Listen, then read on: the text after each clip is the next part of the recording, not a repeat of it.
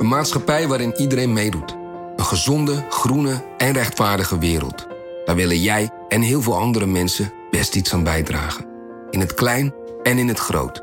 Dicht bij huis en ver weg. Zo hebben we vorig jaar 349 miljoen euro bij elkaar gebracht. Miljoenen waarmee onze goede doelenpartners de wereld elke dag een beetje beter kunnen maken.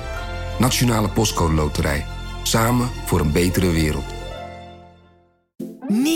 Aquarius Red Peach Zero Sugar. Met zijn heerlijke frisse persiksmaak zonder suiker draagt Aquarius bij tot jouw dagelijkse hydratatie en helpt zo mee om je vochtbalans op peil te houden tijdens alledaagse actieve momenten. Thuis, op het werk of onderweg. Ook verkrijgbaar in smaken lemon en orange. Probeer hem nu. Vanaf de redactie van NRC het verhaal van vandaag. Mijn naam is Floor Boon.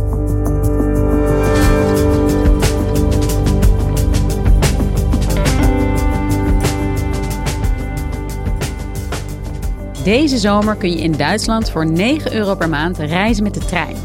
Een groot experiment. Niet eerder maakte het land het openbaar vervoer zo goedkoop en daarmee op grote schaal toegankelijk. Economieredacteur Milo van Bokkum reist veel door Duitsland en vertelt over de voordelen en de grote chaos waartoe het leidt. Is dit een antwoord op de klimaat- en energiecrisis?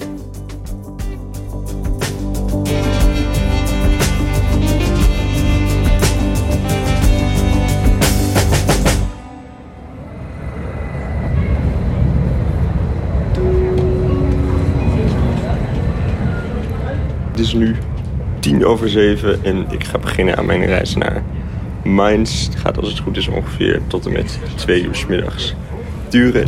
Het wordt hopelijk een mooie reis langs de Rijn, door het Rijndal en langs Keulen met uitzicht op de kathedraal. Ik was dit weekend met de trein eh, naar Duitsland. Ik was op weg naar de stad Mainz, niet zo ver van Frankfurt. Want ik wilde daar graag de Romaanse kathedraal zien. Ik ga deze zomer eigenlijk bijna elk weekend met de trein naar Duitsland. Want je kan daar deze zomer heel goedkoop reizen. Al het openbaar vervoer kost uh, eh, 9 euro voor een hele maand. Maar er zijn heel veel uh, mensen die dat deze zomer doen. Zodra je grens overgaat, uh, kom je eigenlijk echt tegenwoordig in een hele andere wereld terecht. Waar het openbaar vervoer massaal gebruikt wordt. Het is nu half elf op Duisburg. En hier had ik eigenlijk in de trein moeten zitten naar Koblenz. Een hele lange, directe trein. Maar die is eh, uitgevallen. Dus ik ben nu met heel veel andere reizigers op een andere trein aan het wachten. En toen kwam de vervangende trein. Uh, toen gingen de deuren open en daar stond eigenlijk één grote mensenmassa op beide verdiepingen van die dubbeldekker al in de trein helemaal vol. Uh, ja, dus ik met al die andere mensen op het perron een beetje zo rennen langs de trein op en neer op zoek naar nog een plek waar, uh, waar je erin kon. Maar die was er eigenlijk niet. Dus toen gingen de deuren weer dicht met heel veel moeite. dat gaat ook niet zo makkelijk als er heel veel mensen in staan. En toen reed die trein weer weg. De trein uh, die ik moest hebben was vol. Paste er niet meer bij, dus nu proberen we een nieuwe optie, maar ook dit perron uh, is aardig vol. En je ziet dus dat in Duitsland deze, nou ja, deze actie dat dat leidt tot uh, nou ja, totale chaos. Nächster Halt, Duisburg Hauptbahnhof. Planmäßige Ankunftszeit 18.36 Uhr, heute 18.45 Uhr. Het is nu vijf over half elf s'avonds. Ik zit in de hotelkamer in Mainz. Ik ben uiteindelijk twee uur langer onderweg geweest dan gepland. Ik was hier ongeveer om half vijf smiddags. Maar ik ben uiteindelijk wel aangekomen in Mainz en heb hier lekker door de stad gelopen en de Romaanse kathedraal bekeken. Ja, Milo, jij bent economie-redacteur en jij reist graag met de trein. Deze zomer, zoals je vertelt, vooral graag in Duitsland. En dat is dus spotgoedkoop. Um, ja, waarom vertel je ons hier dit? Ja, omdat ik het een heel interessant experiment vind om uh, drie maanden lang het openbaar vervoer min of meer gewoon gratis te maken. Een gigantisch groot experiment met openbaar vervoer zoals we dat in Europa eigenlijk nog nooit gezien hebben. Uh, kijk, in Luxemburg is het openbaar vervoer al langer gratis, al een paar jaar. Ja, dat is een heel klein land. Er werd eigenlijk nooit serieus over nagedacht om dat in een groot land als Duitsland ook in te voeren. En dat is hier uh, opeens wel gebeurd. En je krijgt dus eigenlijk een heel interessant inkijkje in een parallele wereld waarin uh, nou ja, transport per trein, per bus, per metro uh, of per tram gratis is.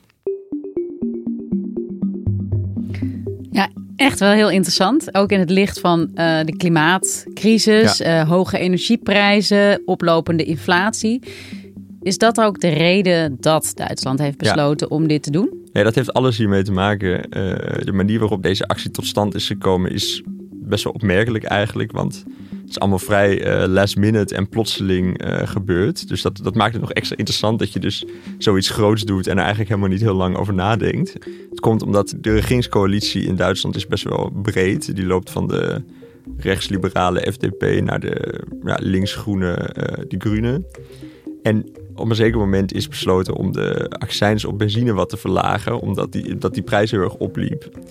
Uh, in de inflatie door de energiecrisis. En toen hebben de Groenen op een gegeven moment binnen de coalitie aan de bel getrokken en gezegd: ja, wacht even, als we autorijden uh, financieel gaan steunen, dan ook het openbaar vervoer gebruiken. En toen is eigenlijk eind mei, uh, maar een paar weken voordat deze regeling in zou gaan, op 1 juni, is heel plotseling besloten: oké, we maken elke maand het openbaar vervoer 9 euro. Ja, en uh, iets waar veel mensen dankbaar gebruik van maken, zoals ja. jij ook. Je zei al, je zag heel veel massa's daar in die treinen. Ja, hoe, hoe pakt het uit in de praktijk? Ja, ik kan iedereen aanraden om een keer over de grens een kijkje te gaan nemen, want je weet eigenlijk niet wat je ziet. Overvolle perrons, uh, uh, stations waar je lang moet wachten op de roltrappen om die te kunnen gebruiken ja, je ziet uh, treinen waar uh, mensen nog in de wc's gaan staan om maar, om maar mee te kunnen. Uh, ik heb één trein gezien op Mönchengladbach waar op het station opeens vijf mannen uit het toilet tevoorschijn kwamen. Je ziet beveiligers die zijn ingehuurd om de mensenmassa's op stations in goede banen te, te leiden. Soms ook nog op best intimiderende manier, omdat er gewoon zoveel mensen zich op perrons bevinden dat het ook gewoon bijna gevaarlijk wordt. Ja, je, je praat er heel enthousiast over, Milo, maar ik vind het niet heel aantrekkelijk klinken zoals jij het schetst. En met al die massa's en dringen en duwen en trekken. Haken er niet heel veel mensen ook af bij het zien van dit soort ja, massa-reizigers en taferelen? Dat is wat van tevoren door critici uh, werd gezegd. Van ja, dit, dit, gaat, uh, dit gaat mis. En dit gaat er eigenlijk voor zorgen dat mensen het openbaar vervoer juist minder leuk vinden omdat mensen die normaal gesproken niet gebruiken, die, die pakken nu een keer de trein en die komen in de totale hel terecht. Maar het vreemde is dus eigenlijk dat het best wel uh, positief wordt ontvangen door uh, veel Duitsers die er gebruik van maken. Ik sprak in de trein naar uh, Düsseldorf een gezin die waren onderweg naar de stad om een dagje te gaan shoppen. En die zeiden tegen mij van ja, wij deden dat vroeger eigenlijk gemakkelijker met de auto. maar nu doen we dat met de trein. Um, darf ik Sie vragen of Sie oft met dem Zug fahren wie früher oder nicht? Wenn es 9 Euro ist. Wir fahren öfter. Ja, ja, ja. öfter, ja. Und auch mehr, mehr äh, weniger mit dem Auto, oder? Ja, äh, ja, ja. ja. Er zijn 30 miljoen van die, van die tickets verkocht. En ja, wat je dus ziet is echt een bizarre stijging. Want uh, op, op ritten tussen de 100 en 300 kilometer is, is een toename van 46 procent. Dus dat is eigenlijk gewoon uh, toename van de helft. En uh, op ritjes tussen de 30 en 100 kilometer dus dat is, dat is wat korter. Dan uh, is de stijging zelfs 60%. En ja, als mensen meer in de trein gaan zitten, dan gebeurt dus ook eigenlijk wat je op straat verwacht. Dan neemt het aantal files af. Uh, uit de eerste analyse van uh, TomTom, navigatiebedrijf. Die hebben allemaal data geanalyseerd over de drukte op de weg. En die zagen dat in 23 van de 26 Duitse steden waar ze gekeken hebben, dat de reistijden per auto korter zijn geworden, omdat het gewoon rustiger is op straat. En eigenlijk valt het mij ook wel op dat. Kijk, mensen gebruiken dit ticket vaak voor uh, wat kortere afstanden, dus om in de stad te komen. En dan zie je dat mensen eigenlijk ook wel genoegen nemen met staan of uh, met even wat langer wachten op een, op een volgende trein. Mensen lijken wel in staat om te beredeneren dat oké, het is wel chaotisch, maar ik krijg het wel gratis. Het is dus groener. Het is heel goedkoop op dit moment en er maken heel erg veel mensen gebruik van. Nou, het is niet zo gek dat dat misschien tot problemen leidt, maar je zegt tegelijkertijd dat het over het algemeen positief uitpakt, uh, ondanks uh, dat gedring. Kijken andere landen nu ook met belangstelling naar ja, hoe het uitpakt? Ja, aan het begin van deze zomer hebben eigenlijk een paar andere landen een soort vergelijkbare keuze gemaakt. Niet zo radicaal als in Duitsland, maar je ziet bijvoorbeeld dat in Ierland uh, zijn de tarieven van het openbaar vervoer tot het eind van dit jaar 20% verlaagd. Uh, Denemarken had deze zomer ook een reispas waarmee je voor vrij weinig geld door het land kon reizen. Het meest opvallend is dat Spanje heeft half juli aangekondigd dat ze tot het eind van dit jaar regionale treinen en treinen op middellange afstand uh, gratis gaan maken. En dat financieren ze van een belasting op vervuilende bedrijven. Dus daar is eigenlijk het klimaatelement nog veel duidelijker in. En uh, Duitsland denkt ook na over een, toch een vorm van verlenging uh, van dit ticket. Nou, niet, niet zo goedkoop als nu. Hè. Dus ze worstelen een beetje met hoe kunnen we een balans vinden tussen wel goedkoop, maar niet die totale chaos die er nu soms is. Maar dat wijst wel op een soort nieuwe manier van denken in verschillende Europese ja. landen. En Nederland, weet jij of er met bijzondere belangstelling wordt gekeken ja. naar uh, wat daar gebeurt? En dat er ook nog een soort kans is dat, er, uh, ja, dat het hier ook ingevoerd zal gaan worden? Ja, dit vraagstuk lijkt eigenlijk in Nederland een stuk minder te leven. Uh, ik denk dat. Kijk, het is uiteindelijk gewoon een kwestie van keuzes maken. er is wel besloten om de accijns op benzine hier ook wat te verlagen, maar niet om prijzen van het openbaar vervoer te verlagen daar is wel iets van discussie over. Je ziet wel dat linkse partijen zich ook wel afvragen: is dat Duitse voorbeeld niet ook een optie voor Nederland? De Partij van de Arbeid heeft daar vragen over gesteld in de Tweede Kamer. Ja, dat ging over het verlagen van de BTW. Dus kan de BTW op treinkaartjes omlaag? Nou, dan hoor je al snel van. Nou ja, de, de systemen van de Belastingdienst hebben er ook moeite mee om dat snel te kunnen verwerken. En binnen de coalitie is het ook ja, zijn er toch ook wel zorgen over wat dit zou kosten. Uh, want dit kost 2,5 miljard euro voor drie maanden. En Rob dus minister van D66, die heeft gezegd... Nou, het is wel interessant wat er in Duitsland gebeurt, maar ik vraag me wel af waar ze dat allemaal van betalen.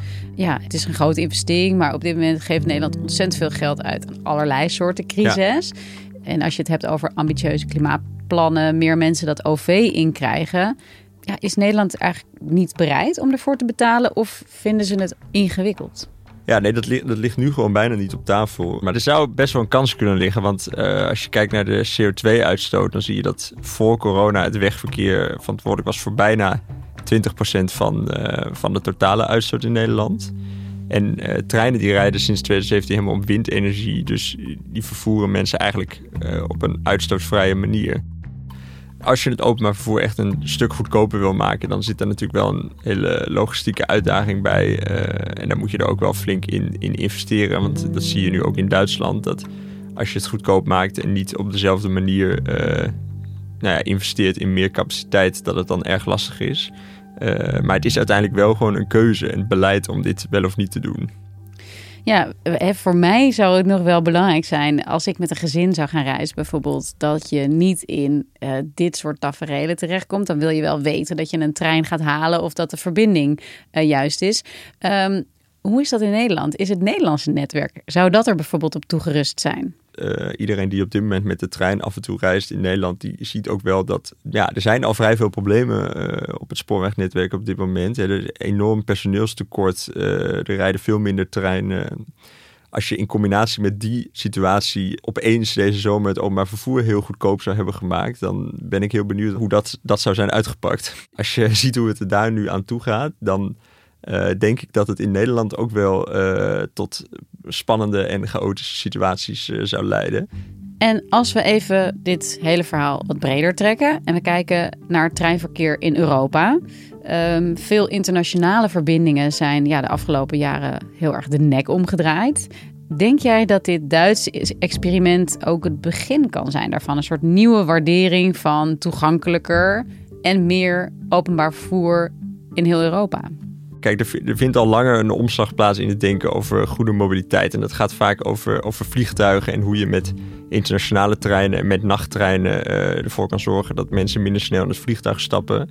er wordt veel gepraat over vliegschaamte. Er wordt nagedacht over heffingen, CO2-heffingen op, uh, op vliegverkeer.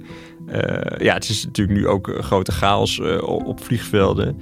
Um, en eh, dat debat gaat eigenlijk heel erg over internationaal reizen en over van goh, is de, is de trein daar eh, een alternatief voor het vliegtuig? En dit Duitse experiment, dat wijst eigenlijk op een andere dimensie, namelijk niet alleen het vervangen van vliegtuigen door treinverkeer, maar ook kun je in het binnenland misschien de auto vervangen voor openbaar vervoer. Doordat mensen minder snel de auto pakken om de stad in te gaan of naar het werk te gaan. En het grappige is dat, wat ik interessanter vind, is dat dit debat eigenlijk vrij plotseling in stroomversnelling is gekomen door die energiecrisis en door die hoge inflatie. Dus al met al is dit een goed experiment waar ook nog wel veel van te leren is. Uh, zeker als het gaat over het ja, begeleiden of managen van die passagiersstromen. Maar in essentie hoor ik van jou enthousiasme. Ja, ik, ik ben enthousiast als persoon. Uh, ik denk dat als je kijkt naar de klimaatopgave die er ligt, dat dit gewoon uh, ja, best een belangrijke bijdrage kan leveren als het lukt om uh, meer mensen uit de auto te krijgen. En dan is het denk ik heel erg de moeite waard om ja, goed te kijken wat er gebeurt aan de andere kant van de grens. Dat misschien niet één op één over te nemen, hè, want dat, dat, ja, daar is het misschien, dan is 9 euro misschien wel heel goedkoop. Maar in ieder geval dat de prijzen een stuk omlaag brengen wel iets is wat je serieus kan overwegen en niet een soort utopie is, maar dat ook mogelijk is. Dankjewel Milo. Graag gedaan.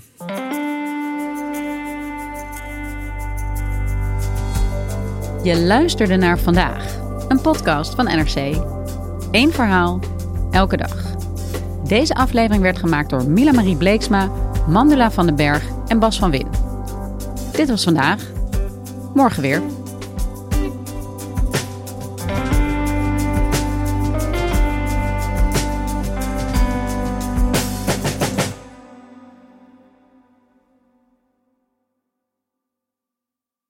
We zijn heel benieuwd wat jij van onze podcasts vindt. Je helpt ons enorm door een korte vragenlijst in te vullen op nrc.nl/slash podcastonderzoek. Dankjewel.